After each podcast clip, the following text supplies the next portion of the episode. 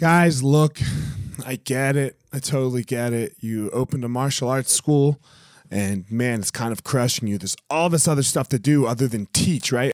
You love teaching. You love jujitsu. You love Muay Thai. You love karate. Whatever it is you're you're teaching. And man, but there's all this other stuff. There's there's the front desk. There's there's taxes. There's curriculum. There's cleaning. There's there's problems, staffing, covering. Whew, man, it's so much. It's so much. Well, let me tell you, uh, we have started what's called Easton Online, and Easton Online is here to solve all of these problems for you.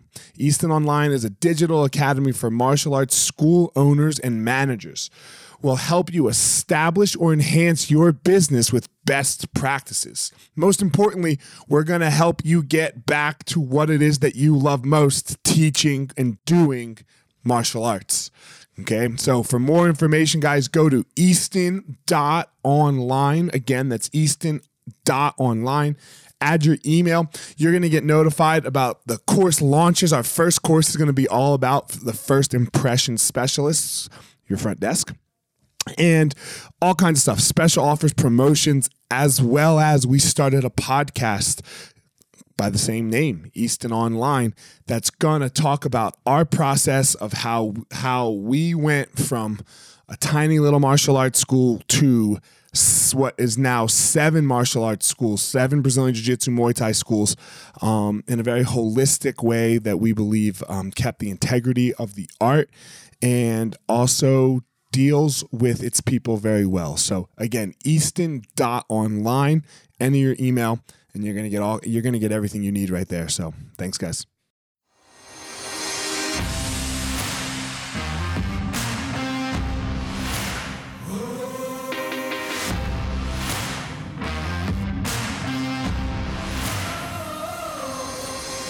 What's up, my ninjas? This is former UFC fighter Elliot Marshall, and this is the Gospel of Fire, where we are going to learn how to go into the fire so that we can find our power and live the best life possible.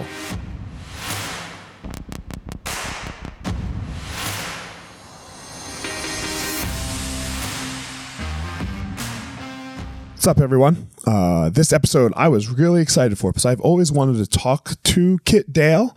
Uh, we've crossed paths a couple times. We both know who each other are, but we've never sat down and had a conversation. Um, if you don't know Kit, Kit is a Brazilian Jiu Jitsu black belt, highly successful, and man, he just lives his life. He does his own thing. He makes it happen. It's it's so cool. He's made Brazilian Jiu Jitsu uh, instructionals on the internet and just so many really cool things. He's he's now getting into acting and and we talk about this whole journey of how of how he goes about his life, how uh, his philosophies on teaching Brazilian Jiu Jitsu. So I hope you enjoy the episode with Kit Dale. Um, if you do, please go and give it a subscribe. Give me a subscribe on iTunes. Leave a review, and yeah, without further ado, here we go. Kit Dale. All right, guys, here we are, another episode of the Gospel of Fire, and I have, uh, I think we've run each other, run across each other in passing, but we've never, I don't know, I don't think we've ever said more than ten words at a time to each other. But we're about to, Kit Dale, we're about to. It's about time. it's about to one bald-headed, good-looking man to another. That's it. so, uh, man, I've been, you know, just my my first question as it's been. Um, to uh, this new area of podcasting I've been getting into, this new this new base I've been looking at. Um, why do my podcast, man? I'm not Rogan, right? Like I'm not like you know you get hit up from some guy who's got you know I, I did all right with with my career and whatnot, but like I'm no I'm no world champion, you know. So why why take an hour out of your day and do a, a lowly podcast? Well, because I do know who you are, and I've watched a lot of your career, and uh, it would be cool to have a conversation with you, regardless if you had one follower or no followers. I feel like uh, you're you're a guy that I would enjoy having a chat to. So why not? Sweet. I, I I feel the same way. You know, I think um, uh, this has been my message over the last couple. Is that uh, our, one of our problems is we're not communicating with each other. You know, we just we look at someone's Instagram and um, if it's cool, then we, we like it and we think we like that person until God forbid they say put one post out that we don't like. And then we go from like kind of liking them on the surface to like despising and hating. that person, you know? And I think that's a huge problem. We just don't sit down and talk to each other. I agree with you. One hundred percent. I try not to do that myself. But I mean, I've I've also fell in that category. I see someone post something, and you kind of base their whole identity on that one little thought pattern. And uh, yeah, I try not to do that. And I know people have done that with me many a times, especially with like jokes, like things that I'm only joking about. Dude, com- it's rough to be a comedian these days, bro. right? It, it's rough to be a comedian. You have to you have to go full Dave Chappelle. Uh-huh, right? Uh-huh. You have to go full Dave Chappelle and be like, "Yo, motherfuckers, you clicked on my face. You know what this is." Yeah, my my brother's uh, directing his first feature film in uh, in a couple of weeks, and he's really nervous and he's been asking me to take down a lot of old videos that me and him have done because he doesn't want to get nothing coming back to him because anything could be taken out of context. Like, he's a he's a very nice normal person there's nothing bad about him but you know some of the shit that we we talk or film as comedy skits can be taken the wrong way. Man i'm i'm in the middle of it right now like uh, this video is about to come out of my one of my fighters curtis Blades. you know they they followed him around for his last fight and man, like he's got an out of wedlock daughter, you know, and he's African American. And dude, they, they filmed him for three days. Three days they were with him. And the two clips they have of his daughter, him and his daughter, are one of his daughter not wanting to go to him. And then, like, because, like, whatever, he's standing around 30 people, right? And then he goes over to the and sits down because, like, you know, he's not going to force it. Everyone's been there with a kid, you know? And he's like, ah, my daughter's trash you know? And like that's what they put like I was like, you gotta be fucking kidding me. Right? Like yeah. like you just played into every fucking black male single father stereotype to, in the world. Like mm-hmm. you have three days of footage. This is what you're fucking putting out. I it's uh, I would be I mean I would try and control what they put out because I know that if someone filmed me for a whole day, they could take at least 10 to 15 minutes of shit and just make me look so bad. Yeah, yeah. I, would look like the biggest racist, misogynistic piece of shit. And I'm a half black Jew, right? Like, you know, like I, I, would look awful. I would look yeah. awful. so, um, man, the connection that we have is jujitsu. Uh, um, are you in Australia right now, or are you, where are you? In Los Angeles. In I Los moved Angeles. here uh, probably a year and a half ago. Okay. Got so that oh in 01. Okay. Yeah. So we that's our connection though, is jiu-jitsu. And man, for you, what was that like? I mean, Australia, bro, shit. You know, um, like not uh not the easiest of scenes, probably. No, I, I think uh, when I first started was 2008, and jiu-jitsu was really fresh in Australia. Uh, I mean, I didn't even to give you an idea. I remember seeing a Machado was like there was a Machado on a, a, front cover of magazine, and I was thinking, is he related to Machida? Like that's how little I knew about anything in jiu-jitsu. um, it was good. I, I, started because I was playing Australian rules football, and I was a little bit smaller, and I was quite. I was, I was not young, but I was very premature uh, physically and very scared. So I wanted to look for a place to, you know, to get some confidence and defend myself. So I, I started doing like MMA training with uh, a guy named Rob Karmakovsky in, uh, and it was more like Jeet Kune Do concept. So it wasn't strictly MMA. We were doing like weapons as well. And then we started doing jiu-jitsu and I, I really enjoyed the jiu-jitsu part of it. And I, I started competing in jiu-jitsu and, and my plan was always to do MMA, but halfway down the, you know, the road, I sort of changed my mind on what I wanted to do as a career. But yeah, I started jiu-jitsu under, there's a brown belt and that was quite high at the time. And there was very few black belts and it was quite new. Uh, but since since I started, I think in the, like the first four years, there was a huge growth in in Australian jiu-jitsu, and people started doing a lot better. I mean, now there's there's guys like Craig Jones and Lachlan Giles and Levi that are that are killing it.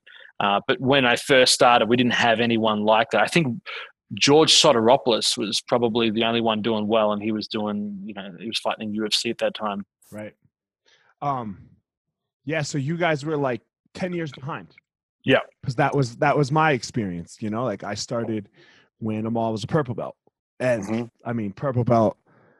So this was 90, 99. Yeah, so 99 purple belt America 1999 God. Right? You have you have like, you know, ain't not you know, you're not Jesus, but you you know, you you have you have a godly status in America. Yeah. So same, very very similar thing. Did you have to travel, or was it like in your town? Uh, I had to travel. There was about an hour, maybe an hour and 20 minute drive that I used to take to train with Robert. And then I, I ended up leaving him for someone that was closer so I could still work and, um, and train. That was, I was living in uh, the Yarra Valley and I was training in Ringwood. So it was about a 40, 35 minute, 40 minute drive. And then as I outgrew that school, I went to one in St Kilda under Peter Debeen and that, and he had a lot more black belts there and that was about an hour and a half, hour and 50 minutes drive. I remember the first time I went down, I drove down there, and then I come back looking for my car, and I realized it was gone because I got towed because I parked in the wrong area. Um, but yeah, there was definitely a lot of traveling in terms of driving in Australia, and then I started traveling more internationally, and I think I won the Abu Dhabi qualifiers as, as a blue belt, the Abu Dhabi Pro, the gi one Okay. So that was the first time I left the country, and that was that was in Abu Dhabi, and that, that was whole, interesting. In your whole life, that was the first time you left the country. Yeah, yeah. Okay. I was super nervous because I, I, had a an outstanding debt where debt collectors were looking for me for a car that, that I bought. So I was like, I don't know if they can stop me from leaving the country. Uh, but it was really good, and it really showed that uh, you know what you were saying like we were 10 years behind when i went to abu dhabi pro and people were pulling guard and I was just like, what people actually want to play guard? Like before that, I'd never seen anyone want to play guard in my life. Everyone was like, you know, try and wrestle for the top game with really average wrestling because we didn't have much wrestling at all in Australia. I mean, we don't now, but we still we have a couple good Russians that have come over and stuff like that teaching. But that was a shock for me seeing people playing guard and efficiently. That was that was my that was my go to, bro. Uh, I, I got super lucky because like as a big guy, I mean, this is just, I mean, what seemed like unluck turned into luck. I separated my AC joint, you know, and it was a bad one. so I couldn't do any top because if I had to, if I lost my balance and I based out, like you put your hand, whew, so I had to play like one arm guard for three months as a, you know, as an almost blue belt, white belt. But now I'm this big 220 pound guy who can play on the bottom, and we're talking 2000. There weren't many. They're like especially like coming up. Uh-huh. Right. Like, so I just pulled guard on all these big guys and then they were like, oh, yeah, this is what I want. And then I would fuck them up and, and then put them on the bottom. And they were like, oh, shit, I don't know what to do on the bottom. Right. But that's just like, especially 20 years ago, big guy jujitsu, there was, there was no Buchechas or or Ali's just like inverting and create, you know, like that just didn't exist. It's such a special talent when you can do that, and then you can do the wrestling as well afterwards. Mm. It's like it's great. I how's your shoulder now? I fucked my shoulder up. It's so oh, annoying. Mine are so bad, bro. Like, uh, mine still stick out because I've I've done both of them. Yeah, yeah. I, I, don't know if you can see through this jumper. I can't. Probably cannot. Oh yeah, yeah, right there. Yep, I see yeah, it. Yeah, I got a fucking lump. I got one on this side, and that was from playing Australian rules football originally. But this one I did wrestling, and it was just messing around at the end of class. I was training with a wrestler, and because I was a jiu-jitsu guy that started wrestling, no one thinks you can wrestle. Right. So I was yeah. wrestling a guy, and he's like, uh, he's like, I'll take you down. I said, look, I'm going to bet you a certain amount of money. I can't remember what it was that I'll take you down. I took him down like four times, and then right at the end, I took his back while standing, and I, I I bumped him up and went to put him on the side really gently. So I did it so slow and gently because I didn't want to hurt him that he did a Granby roll. And my I had no t-shirt on. It was just after you know when you sweat and then you dry up but you're real sticky still. Yep, yep. And my shoulder got stuck on the ground and just separate. Like I think I had a grade three tear from my the clavicle or whatnot to the shoulder, and it's been terrible since. It's mm, what are you gonna do? You get older, you you get old and break, or you die young and you yeah. don't do. You don't do shit with your life, you know. So, like, I mean, we we could just sit on the fucking couch, man. You know, like, which but, is what I'm trying to do right now. This is actually, I'm actually doing this podcast from my gaming. I got a new online gaming. Uh, I don't know what you call it, room, but studio. Studio. So now I got like this chair, and I'm like, yeah, that's it. I can fight online now. nice. Are you a gamer? Yeah, yeah. I was always a PlayStation gamer, um, but I never really thought about anything as a career or anything like that because at the time there was nothing. And now, like with uh, Twitch and stuff like that, I mean, you can make good money playing Twitch and, and, and stuff. Do you so, make money gaming? No, not yet, but I will. That's the plan. I just got to get dude, good. Dude, what the fuck do your parents say? So first, you want to do this jujitsu shit, right? Like that's how you lived your life, you know, and, and and like and now you're like, yeah, I'm getting a game. Yeah, like, dad, dad, look what you've done. Look what you created. I, I mean, I used to have, I don't know if it was similar for you, uh, but I used to have so many arguments with my parents. Uh, I, I remember like big ones because I wanted to do jujitsu, and th- I remember the words were like, "You're going to be a bum your whole life. Get a real job." Because I wasn't making much money. I was just doing a couple privates a week, so it was like 150 dollars a week. But I was just scratching through. But you know, it was it was a really good decision because now with the online programs, it's you know I make more money than I would have ever made by a mile. You know, with any job that I was doing back then. Sure. Um, yeah, my Mike, you asked, you know, what it was like for me. So my conversations, my parents weren't super supportive until when I got on the Ultimate Fighter. They got a little better because they're like, "Whoa, shit, this worked out," you know. But Yeah. my grandfather, uh, he was never supportive. He was like, "You like with with my with Amal, my jujitsu teacher. He was like, "You need a contract with him," and I was like, "No, he's never gonna, he's never gonna guarantee me money." Like, like, like I have to teach the classes you know like, I, like my grandfather just yell at me where's your contract you're gonna be a bum same thing Such a different world. I mean, I don't think my. It, let's say if I do start making money online, my parents would just be like, "How how do you make money playing games? Like, how do people pay you to to watch you play games? It's a it is a really weird world. Even when I like, if you went back ten years and to think that I would be doing what I'm doing online and as little work as it requires, I would I would never believe that. But there's so much opportunity now. I mean, especially living in LA, you see so many people that have u- very unique uh, jobs and they do very you know weird things and they make really good money. And you're just like, what? You do that and that's how you make money? yeah it's interesting you, you talked about the online thing that you do we're uh, as a we, we we're starting we're about to release our first online thing uh, our first digital course Um, Awesome. yeah but Jiu-jitsu?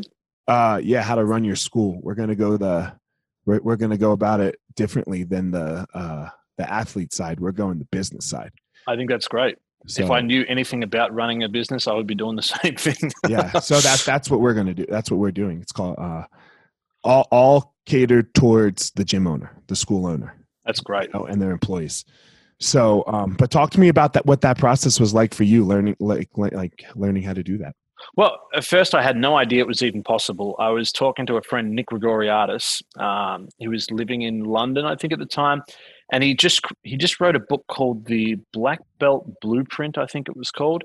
And he, he sent it to me, and he's like, "Hey, man, have a read of this, and I'd love to get your opinion of it." So I read it, and I thought it was really good. I thought it was uh, it was very well thought through. And he said, "Look, he goes, if you want to sell it, I'll give you fifty percent of the profits." And this is the first uh, introduction to affiliate marketing I'd ever had. And so I did that. I ended up making like two thousand dollars in just one email, and I was just like, "Wow, you can make money online." So I, excuse me, I um, I worked with Nick, and we came up with a new product together, and I started selling that, and and I think we made like seventy thousand dollars uh, selling that, and I was like, "Holy shit, this is great!" What was that this- product it was called the it was called Beyond Technique. So at the time, pretty much all instructionals were very practical. You know, just do this technique, drill it, do this technique, and drill it. Uh, and we wanted to create one that was a lot more conceptual, so it was a little bit more open for people to become more creative. So what we had, I think it was each of us had ten concepts, and they would show two or three.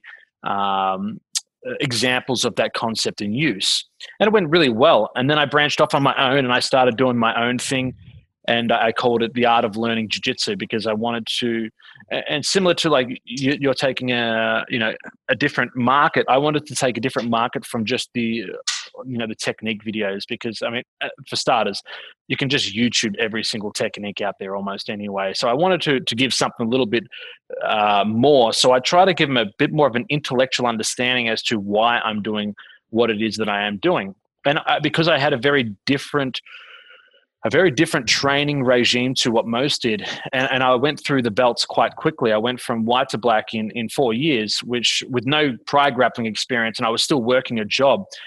And I, I started studying the science of learning and, and how the psychology behind it, how we how we process information. And I really try to come up with a system that not only teaches people how to learn jiu-jitsu, but how to learn period. So how you know how to structure training no matter what it is that you're learning so that you can fast track your learning and you can understand more of it and become your own teacher more so. So it was a bit of a niche in the market because no one's really doing it. There's a lot more people trying to do it now or you know and probably doing it well.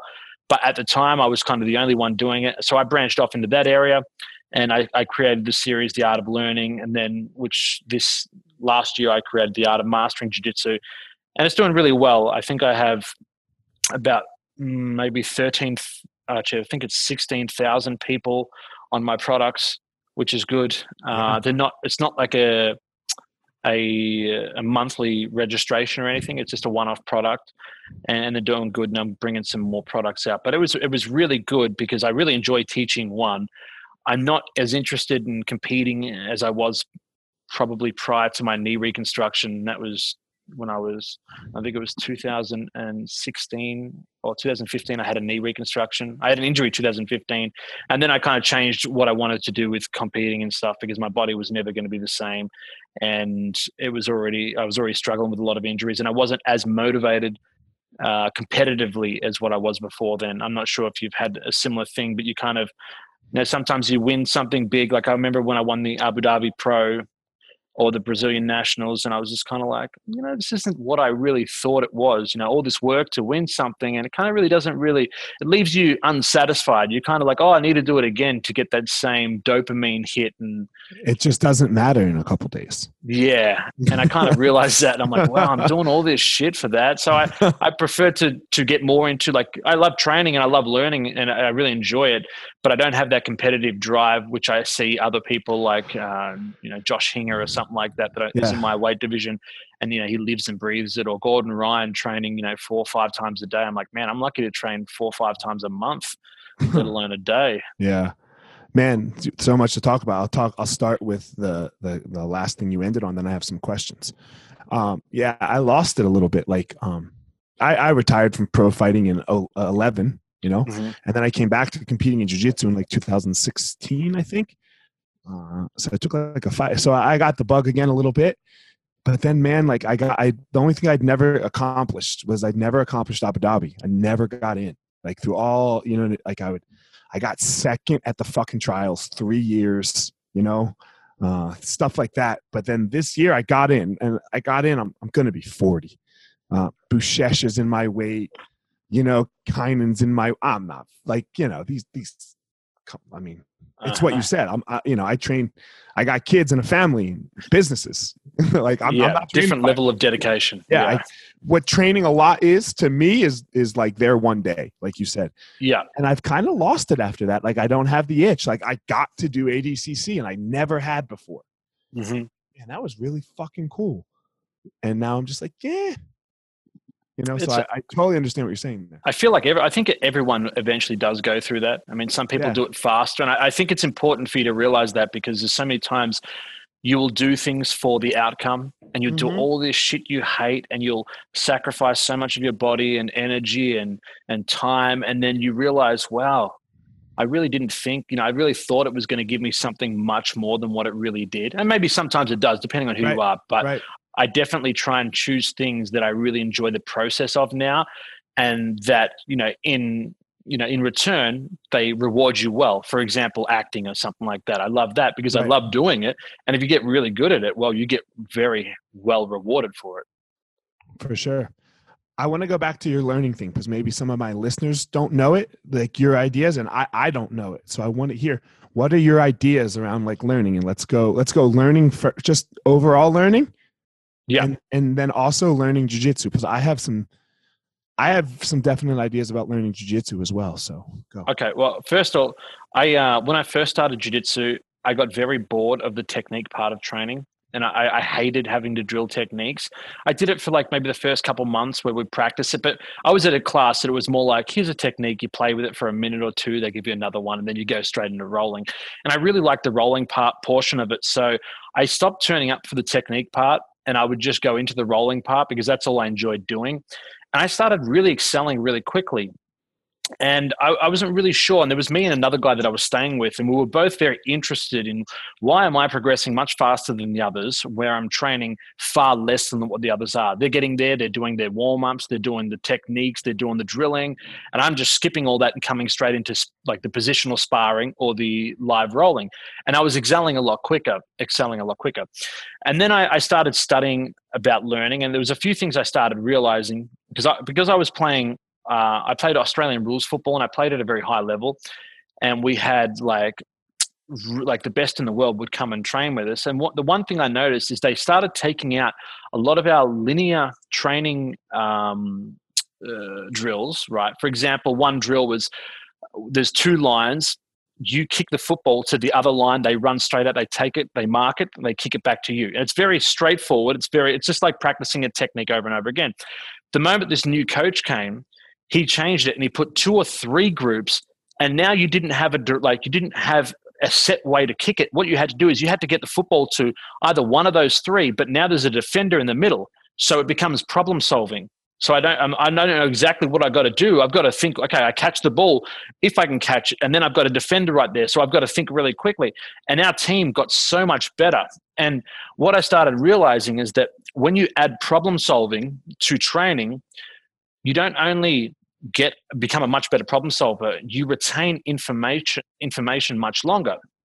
And i started getting really interested with that. So i started looking up the theories of learning and, and absorbing information. And i found that there's a uh, it's called emotional arousal uh, technique. And it basically states that the more emotionally aroused you are the deeper you store information. To give you an example for this i'm, I'm sure you can remember where you were uh, 9-11 when the, the two houses got hit. And you can remember probably you can remember where you were sitting what tv you were watching it on. But if i asked you what what you did like a week later from that you'd be like uh, I, I, don't know i can't remember. Because you're in an emotionally heightened state you absorb the information. And it's the amygdala which is responsible for the fight or flight um, stuff that's what dictates how deep you store information and it's for survival. So for example if something happens to you and you're in a life or death situation and you're emotionally uh, you know aroused heightenedly you're going to store that information deeper for survival reasons. Okay, that's probably so why we have ptsd too right? It gets exactly there. why. It's like a byproduct of that. But if you look at learning, it happens on a very small level. So you want to make sure that when you're learning something that you're emotionally stimulated and the best way to do that with jiu-jitsu is through positional sparring because there is high stakes because it's not set you know someone let's say you're playing sweep or submit or pass the guard or sweep. If you get passed you get frustrated you get angry. If you sweep them you get excited. There's live stakes and it's real. So what happens is you start storing information much deeper and you start remembering much better in those situations. Not only are you storing information deeper but it's very real information because the body, you know, for an, an evolutionary stance point, it, it absorbs information to survive. So it's absorbing every single bit of information that it's getting, and most of it you can't consciously even comprehend. The moment you start creating drills that are not, you know, realistic, they can be realistic, but they're not true. So let's say you shoot on a single leg and I do something like this and we, and we do a, a passage of that and it's just a drill. Because it's not live, your body doesn't know the difference, but you start programming it to react in a certain way. But it's not 100% true because it doesn't always happen exactly like that. You can try and recreate it in a cookie cutter sort of environment, but it's not exactly true. So what you're doing is you're basically tricking your body into reacting a certain way. Not only are you going to react to situations that are not 100% true, you're going to become predictable because you're doing the same patterns over and over again. So what is much more effective, a much more effective way of doing a, a single leg, for example, a drill on a single leg, is starting on a single leg. So let's say I start on your leg and we both say, okay, let's go. And I've got to take you down. You've got to defend. And we do that for 10 or 15 minutes. The amount of information you gather in that 10 or 15 minutes will be far greater than spending an hour of drilling one single leg because you start seeing certain things that happen, certain, you know, defenses that happen a lot. And you have to start figure, like figuring out how to counter those situations.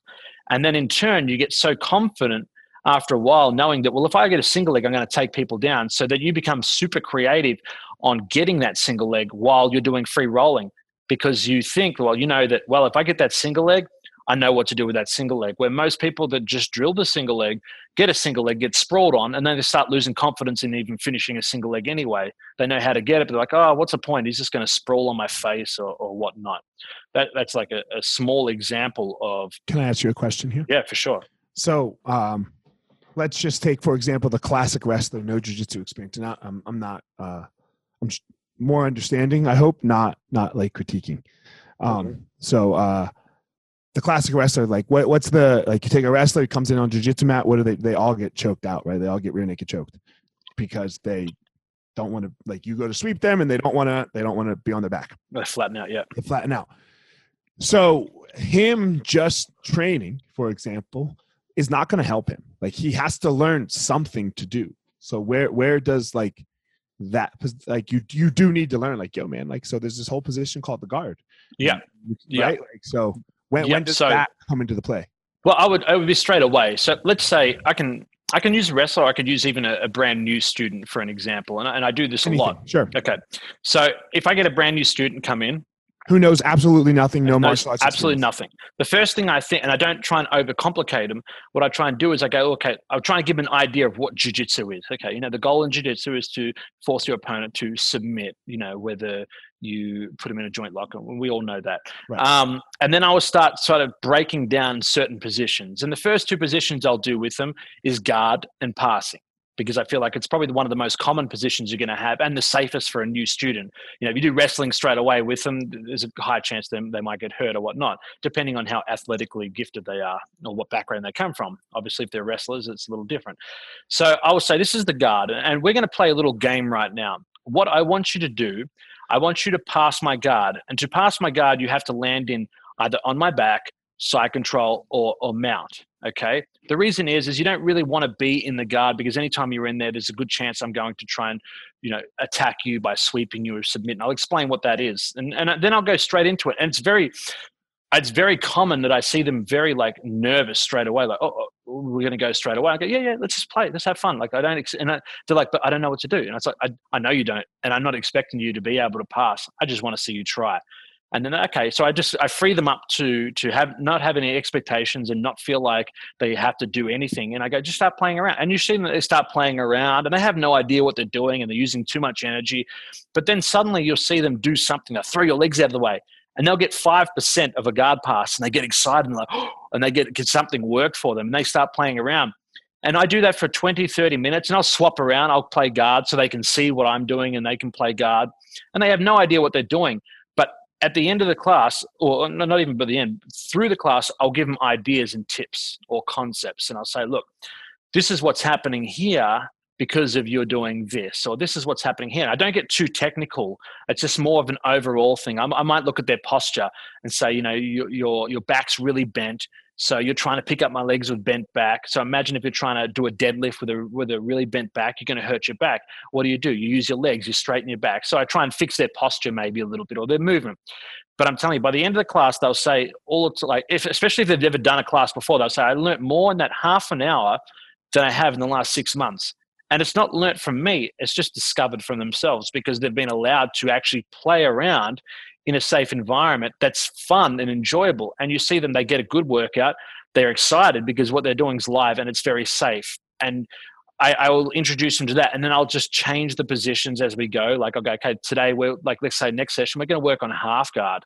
Okay, this guards for these reasons. Let's play here, and then I can get more and more specific to the point sure. where you know we can just do it whatever we want.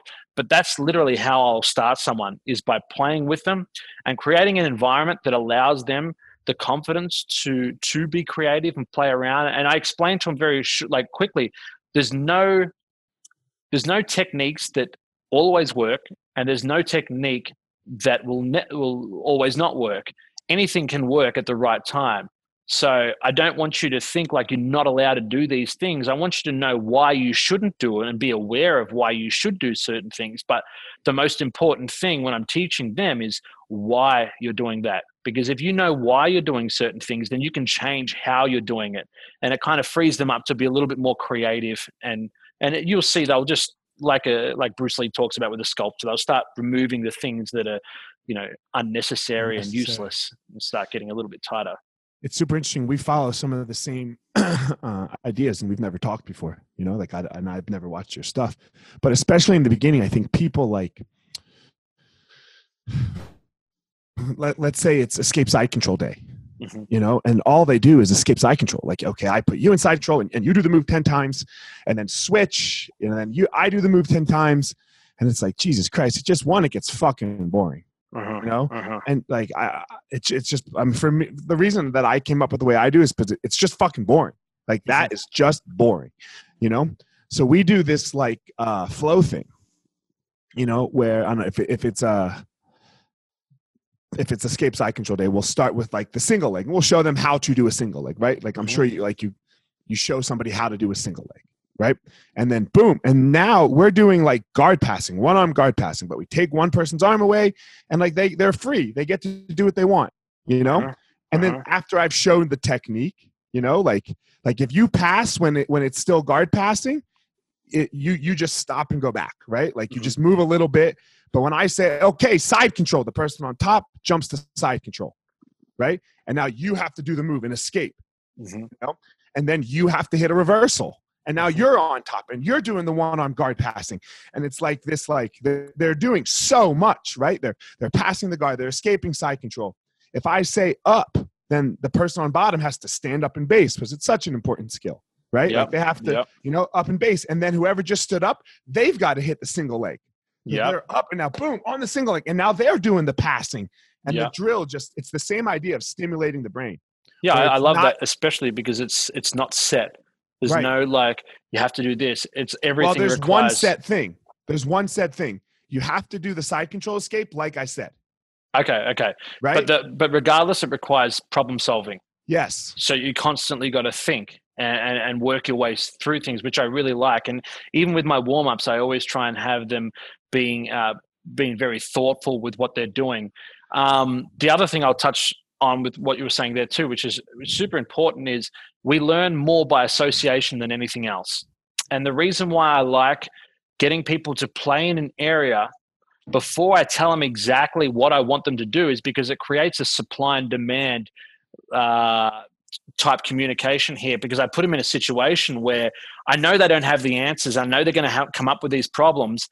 And then when they do, and I give them the answer, then it makes more sense. Like, you know, how many times when we first started, right, someone says, uh, don't do this and that. And it just goes through one ear and out the other because you have nothing to really grasp that with. But then two months down the track, someone says it again and you're like, ah, that's what he meant then. or they're know? like man why didn't you ever tell me that and you're like yo i told you that 30 times But yeah, couldn't- yeah, you know, like, but it they just couldn't nothing hear to it. stick it. Yeah. So it, I, I always try and depending on the lesson and who I'm teaching, I'll try and create a scenario that I know they're going to struggle with, you know, A, B, and C, and then I will give them A, B, and C because at least they have something to grasp it with, rather than doing it the other way around. Otherwise, the information can just be lost a lot of the time. No, that's so good. And I think the other thing too, um, what people really struggle with learning, especially jujitsu, with the with uh, you know move A, do move A, partner A does move A fifty times, partner B does move, and then switch. Right, is only one person's engaged. Yeah. you you really you need the other person paying attention. Like you need your uke, right, your partner paying Uh-huh. paying the fuck attention to where his body is Yep. because if he's not if you're trying to learn move a and he's giving you move b then he's the one fucking up or the teacher right like so if it's And this it's thing, hard to get someone to do that. yeah unless they have a job all the time too Uh-huh.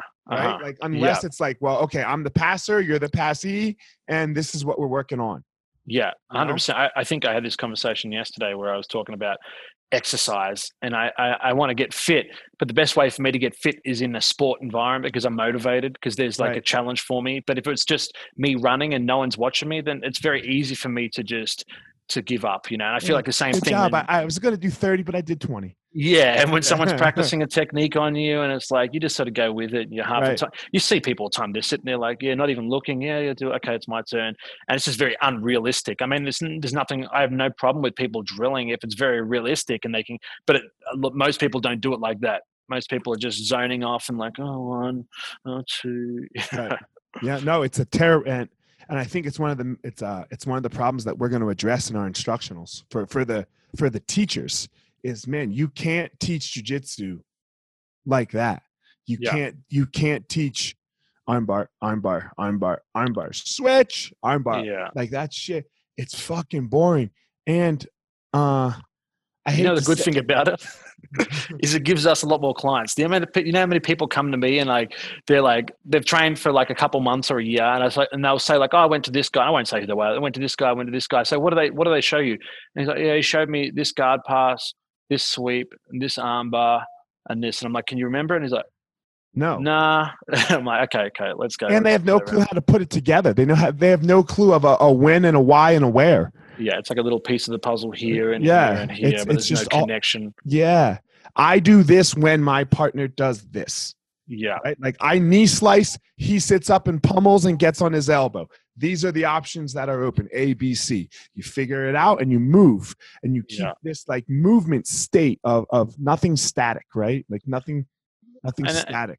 I understand why people, and there's a certain people, uh, a certain amount of people that come into jiu-jitsu and they want to be told, tell me exactly what to do. And it's very hard as a coach because you know, one, there's no exactly what to do. There's multiple things you can do, and there's multiple things they can do, and it's very hard. So I try and give them a bit of an example. Like I'll sit in that position. I say, look, this is what I want to do, but depending on how he reacts is going to, you know, dictate on what I actually do. I can't just do A because he might just do 55 different things that you know stop me from getting a so then i have to switch to this and switch to that and the education system kind of set that up a lot because you know the industrial age model was built to create factory workers and we've still most schools are still using the same thing. So we've gone from going to school getting told exactly what to do repeating it and then we're good. So we come to jiu-jitsu and like okay okay coach tell me exactly what to do. I'm going to copy everything you say and i'm going to be great. It's like oh it doesn't really work like that. One you're a five foot four female. I'm a six foot four you know male. I'm not but i wish i was. But it's, it's very hard. So what i try yeah i think more coaches should be a lot more you know aware of that and try and really become more self-aware in, in why you're doing certain things because if you can do that and you can give them why you're doing things then you you know you're giving them so much more than just how to do it how to do it's like the tip of the iceberg why to do it is all that shit underneath Yeah, it's it's so important.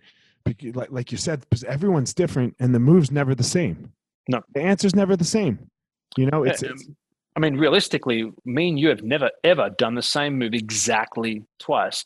There'd be like very similar versions of a lot of it, but they'll never be exactly the same. look. I follow a lot of John Danaher systems. You know, I think that I think they're very well thought out. You know, you know, and and I love them.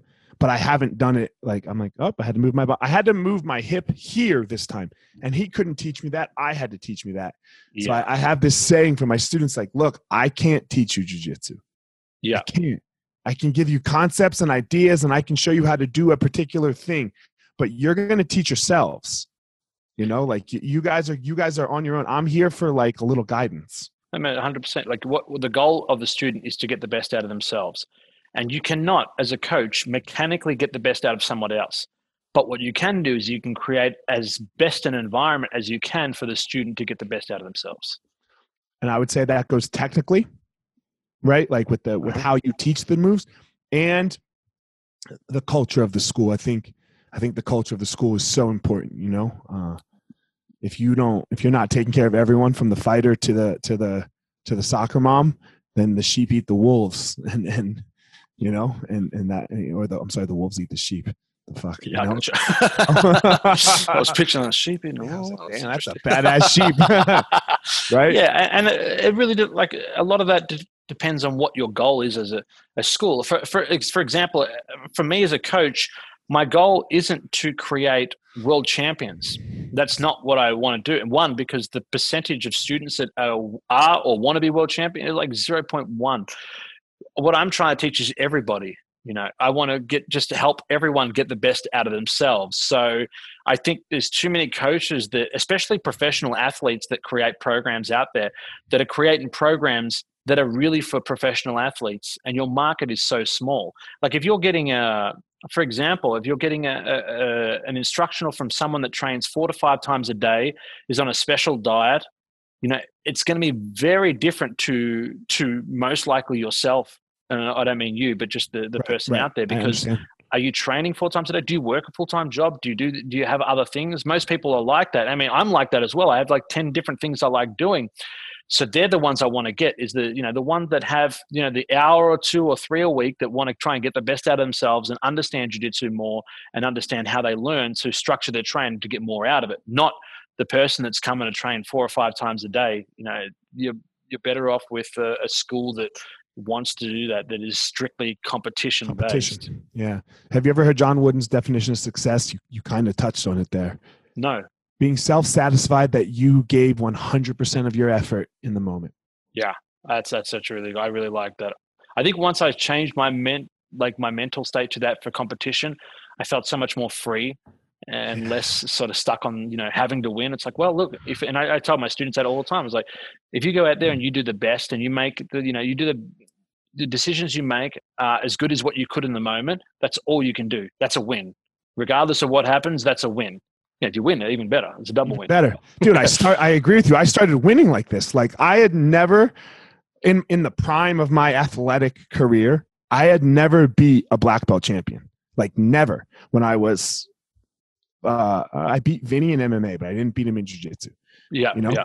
I never. You know, I I always lost that match. You know, mm-hmm. because I I and I stopped competing pretty much right when I like I I moved full time MMA when I got my black belt. Yeah.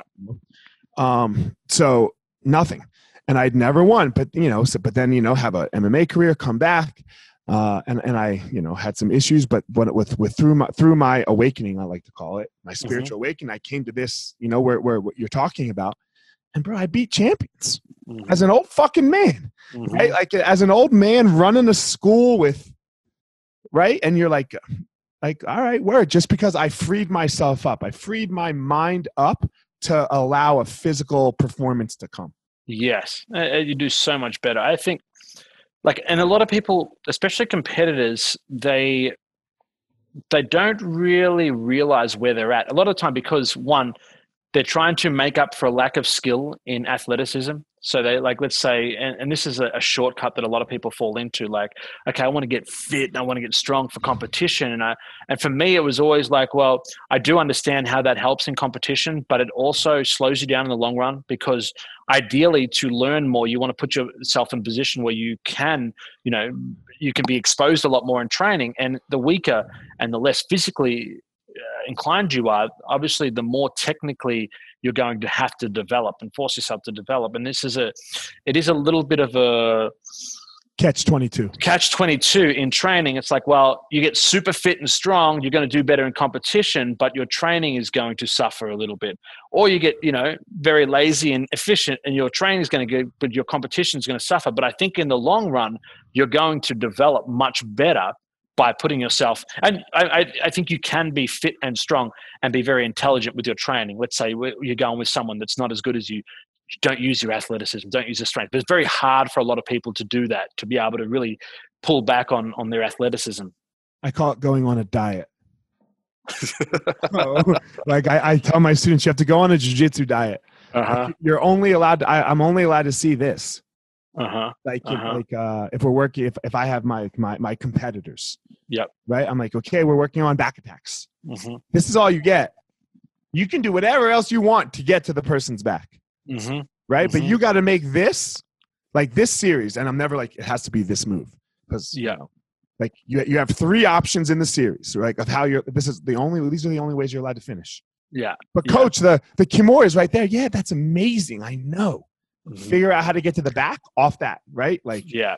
And then you know once once you've lost the weight, now we can move on to a different diet. That was definitely a lot of a lot of my training when I was coming up, and I, I felt like I was very smart. I was very conscious with let's say my uh, my skill attributes. Like I knew that, for example, I, I, was very good at Kimuras when I first. I finished one competition with 17 Kimuras in in, uh, in Australia, Holy and shit. like I got that good. So I was like, okay, now let's not do Kimuras now let's do this you know, and then when I got good at this, let's do this. And it was the same thing. Like my passing was really good, but my guard wasn't that good. So I was like, I made sure that in training, I'm just playing guard, even though I get beaten by more people that I would usually beat. But then my guard got really good. And then I would go back to passing and it would always be like sort of coming up and going and, and trying to make sure that I was very well rounded. But I, I definitely considered like, even with the takedowns, I worked takedowns, I worked top game, I worked guard, I worked submissions. I was always trying to be very well rounded where I feel like so many people, and this can work better for your competition is you become super specific with your, let's say your no gi only, leg lock only. Well, you could probably win the, you know, those, all those super fights and stuff like that. Are you going to be a great coach? Maybe not. Maybe you are. Who, who knows? But you too many people like kind of like they pigeonhole themselves in a certain area just to get better success competitively where i didn't really like that. I tried i like i wanted to be very well rounded i think that goes in my lifestyle as well. I mean for like i was saying before i play games i play music i play i try and learn acting. I'm trying to do a lot of different stuff because i just i find more joy in playing with different things all the time. I get kind of bored if i'm playing with the one thing my wife makes fun of me. I hear you with that. Like she says, she says, "Do you do anything to make money? Like, do you actually do you actually work and get paid? Because I don't. I won't do it. Uh-huh. Right? Like, I I will not attach my time to my dollar. Yeah. No fucking way. It's it's the poison of the world, in my opinion. I agree with you. Because if you can figure out how to make that really high, like a lawyer, then you're fucking working all goddamn day, fucking pushing a button, right? And like yeah what else do you do, man? It, I mean, to me, that's just that's just fucking devilish. Yeah, I think Alan Watts all, said that. Is that what? He, yeah. Yeah, I think he said I like won't you know do it. to he asks questions to students that were finishing high school and university and it's so you know the question you would ask is what would you do you know how would you spend your life or every day if money were no object and when they finally figure out what that is, he says, "Well, go and do that. Forget about the money, because if you focus on the money, you're going to you're going to be doing things that you don't like to make enough money to continue to do doing things that you don't like. Exactly. I remember. It's just yeah. a crazy cycle. It's and, terrible. Uh, yeah, and you do have to like. It, there's a risk, and, and I mean, there's a risk in anything, but you have to have the confidence that like if you do what you like eventually there's always a good way to make money through doing it. And it's it's usually a lot more money because you get very good at it because you enjoy doing it. You get so good at it. You get amazing at it. You i read that book called mastery. Have you ever read mastery by robert greene? No i've heard of it. It's definitely on my list of having to read. It's about becoming a master. Really? Yeah you know like and you have to go through this apprenticeship phase. He's like look we've just taken out the apprenticeship phase. Like people people learn something for a year and then they think they're fucking amazing. You know, like where it's like, look, take the seven to 10 years, become a fucking master. And then when you become a master, people are going to ask you for it. Yeah. Because you're going to be so, it doesn't even matter what it is. Make a fucking clock. I just happened to look up at my clock, right? like, you know, like who fucking cares? If you make the best clock, then people are going to be like, yo, I want that dude's clock. Yeah, suddenly you're the fucking millionaire selling these weird ass clocks. Exactly. It's, it doesn't matter. I I do like I and it's definitely something I've realized with with learning and playing with different things. I started learning snowboarding last year. You ever go snowboarding? No, man. I'm a two planker. I ski. Oh, you ski? Okay, yeah. so I I never did that in my life. Did you grow up doing it? I did. Yeah. Okay, and uh, I started snowboarding and man, I fucking, I reckon I fell 600 times that weekend. Like, and I was lucky because we do, I do a lot of wrestling. So I, you know, I was quite good on falling and stuff yeah. like that. If it had been anyone that hadn't had like been thrown so much, oh my God, there's no way they would have kept doing it. But I knew that like, okay, I'm going to suck a lot. I'm going to fall over a lot. And I just got to keep getting up and keep getting up. And I'm going to figure out why I'm doing it and start stopping the things that I'm falling for. And I remember there was a guy that was following me at one stage. And this is my second day of snowboarding. And he's, he was so impressed. I was going down. So he sped up to try and tell me, you look like a pro. And then as he was, he's like, as he's about to say it, I just ate shit. I just fell smash on my chest. But he's, he goes, he laughed because he goes, you fell so hard you jump straight back up and just kept going. And, uh, and he goes, which impressed me because most people fall like that and then you get the jitters and you don't want to do it. And I, I even had the jitters after doing it, but I just wanted to get straight back on because I didn't want it to slow me down. I'm like, okay, cool. I've fallen over, get back up, just figure that out again. And, and I've done probably now 11 days of snowboard, snowboarding all up, but I feel very good. Like I was going off piste and everything. Uh, right, there's some right. videos online and, but the point was I just threw myself in there try you know understand i'm gonna fail i'm gonna make a lot of you know hurt myself embarrass myself. Or like you know one kid watched me just go and he's like tiny he's like are you okay mister? I'm just, I'm just like yeah i think so. Like snow all over my face. But I, I understand that and with my biggest goal right now is to make it in acting. And I, and I know that okay it's like a, it's not going to happen so quick. It's going to be a 10 year journey you know? And people in 10 years most likely in 10 years in my mind i'm going to make it. And people are going oh you come out of nowhere you know? It's like no no no you didn't see all that crap. All these little things and failures like they didn't see me at uh, groundlings improv pretending to be a bloody cat on a musical singing songs improvising dancing like a cat feeling like an absolute idiot you know embarrassed and stuff. They don't see all that crap for me to finally you know be in the position where okay now i can do big movies. Did you watch the Super Bowl yesterday? I didn't i didn't well, Shakira and J Lo were the fucking. i half- did see that though Of course, it was great it was amazing. I thought. What I thought was great, man, is like, like, dude, look at what Shakira. Like, I'm just gonna use Shakira. Look at what she did. She played the guitar. She danced. She tap danced. She sang. She played the fucking piano. Right? Like, like that's what it takes. Like, you're like, oh, she's this huge star now, man. She just she came. up. No, she didn't. She was a fucking little kid learning tap yeah right? And then she was a little kid learning jazz dance, and then she was playing the guitar, and then she was then she was playing the piano. Those are that that that's a lifetime's work of mastery yeah work. Like like she's not up there only because she's got a nice ass and she's beautiful and she can sing.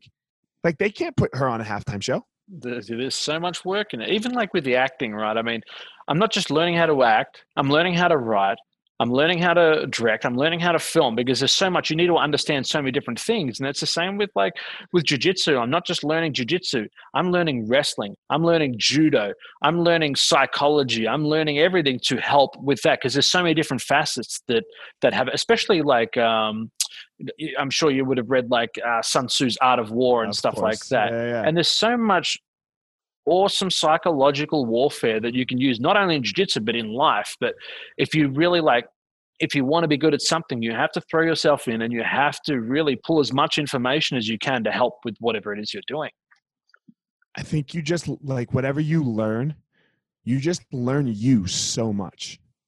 Right? And then when you want when you know you, when you know like this is who the motherfuck I am, when you have that so down, the sky's the limit, right? Like the sky's the limit. It's like take it back to the money thing we were talking about. Once you can figure out like how to make money work rather than make money, dude, dude, Yeah. it, it's, like It's- it's like you don't. Uh, what do you want me to do? Like you know, uh-huh. and then and then once I figure one little thing out, I go and pay someone to do that shit. So that you're right. So like, and then I'm like, okay, I'm gonna move on to something else. Like, yeah, I get a little bit here, and then I get a little bit there, and boom, boom, boom, and yeah you delegate you know, you're fucking. You, you're just. It's it's it's not a money thing. It's a learning thing, and it's an ego thing. and I, and I think you, what you I mean especially for my business I'm always trying to like there's a lot of things I'm good at and there's a lot of things I'm really not good at and I'm always trying to get people to do the things that I'm not good at like I'm I'm terrible with paperwork uh, and all that kind of stuff so I've got like someone to do my paperwork I've got some it's just much more efficient for me to get someone and pay them a little bit of money because I know okay I got to pay them a little bit of money but because they're on there my business is going to be making so much more and I'm definitely at the same stage as you like for for my confidence like you know, to some extent, I'm like, I know I can get, I can do whatever I want. But my question is, is it, is my camera gone blurry right now? Yeah, it did. It just went blurry. I wonder why it does that. I'll see if it can. Is it fixing itself up? It did a second ago, but uh, no, there we there we go. go. Yeah, there we go. Brand new camera. I don't even know how to work it. Um, I'm always thinking, okay, what am I, what am I willing to put the effort into getting? Is, Right. is my question, and a lot of it, you know, for most things, it's not. I'm not willing at all, but there's certain things that I am. You know Yeah, what I mean? for It's one things that I enjoy. Uh, poker's another thing I started learning recently, Okay. about a year ago. I don't. Do you play poker at all? I, I do a little bit. Yeah, I used to do? have a, bu- I was way into it for a while. I had a buddy who was a pro player. oh, really? Yeah. Oh man, I love it. I mean, I hate it and I love it at the same time. But I think it's a it's a really good learning curve, and you learn a lot about yourself. Like for example, going in, you're in a big hand, and it's like a fifteen hundred dollar hand where you know that okay, let's say you're bluffing. And your heart is like racing, and you're like, "Please fold, you little fucker! Please fold." You know, Right, and, and all that. Kind I think it's it's a great lesson, and there's so much psychology, science, acting, you know anthropology in that. I, I find that is another really interesting. Uh, Dude, I was sitting at a poker table with my friend, my who was a pro once, you know, and uh, we were playing. We were sitting at a limit game, you know. Uh, this was bef- before the huge craze when limit was still kind of a thing, okay, you yeah, know. And like these two guys uh, in a limit in a limit table, when you get to the river, you can just keep going at each other until everyone eventually is all in. Oh, okay. So, so there's no limit on. There's no limit on how raises. right. So where, where normally there's a limit on, on, on the on the flop and the turn, there's a limit. Yeah. On, uh, okay, you can all you can do is call right now, so that Yeah. the next card comes. Right. Yeah. Well, once the once the river's out, you can just boom, boom, boom, boom, boom. And these guys were just doing that, right? And they can only do it at the limit. So like they were gonna go all in. Yeah. You know, like like uh, so my friend just stops the table and he goes, Hey, and he claps. He goes, Look, you have the queen 10 of diamonds and you have the queen 10 of hearts.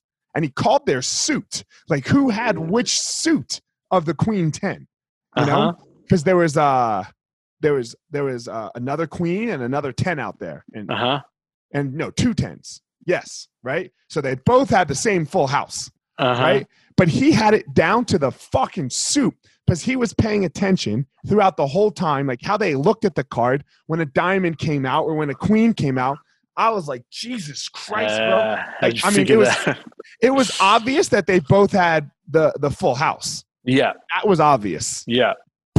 To know which guy had which suit, I was like, yo, That's. That's great. I. Right? Yeah, I've seen. I think Daniel Negreanu's done some stuff like that. And you know, every now and then, I'll I'll always like pretend like try and guess what they have. And ninety times 90, 90 times out of hundred, I'm wrong. But every now and then, I'm right. I'm like, and it looks I look so good when I do it too. And they're just like, I can get the cards sometimes. I can Yeah. get the, you know what I mean? suits fucking hard. the suits are fucking hard, right? Like the suits, like you know, like I can get like okay, you got the fucking sevens full of sixes, you know, like I oh, uh-huh. perfect, but I don't know that you you know, like I don't know which one you have. Yeah, yeah. Did you? I posted something on my Instagram last night. I went, I went. Uh, I had pocket jacks Okay, against six seven offsuit. Pre I ra- pre raised the flop to I think it was, they were two dollar big blinds to fifteen dollars, and then on the flop comes six seven two. I think it is.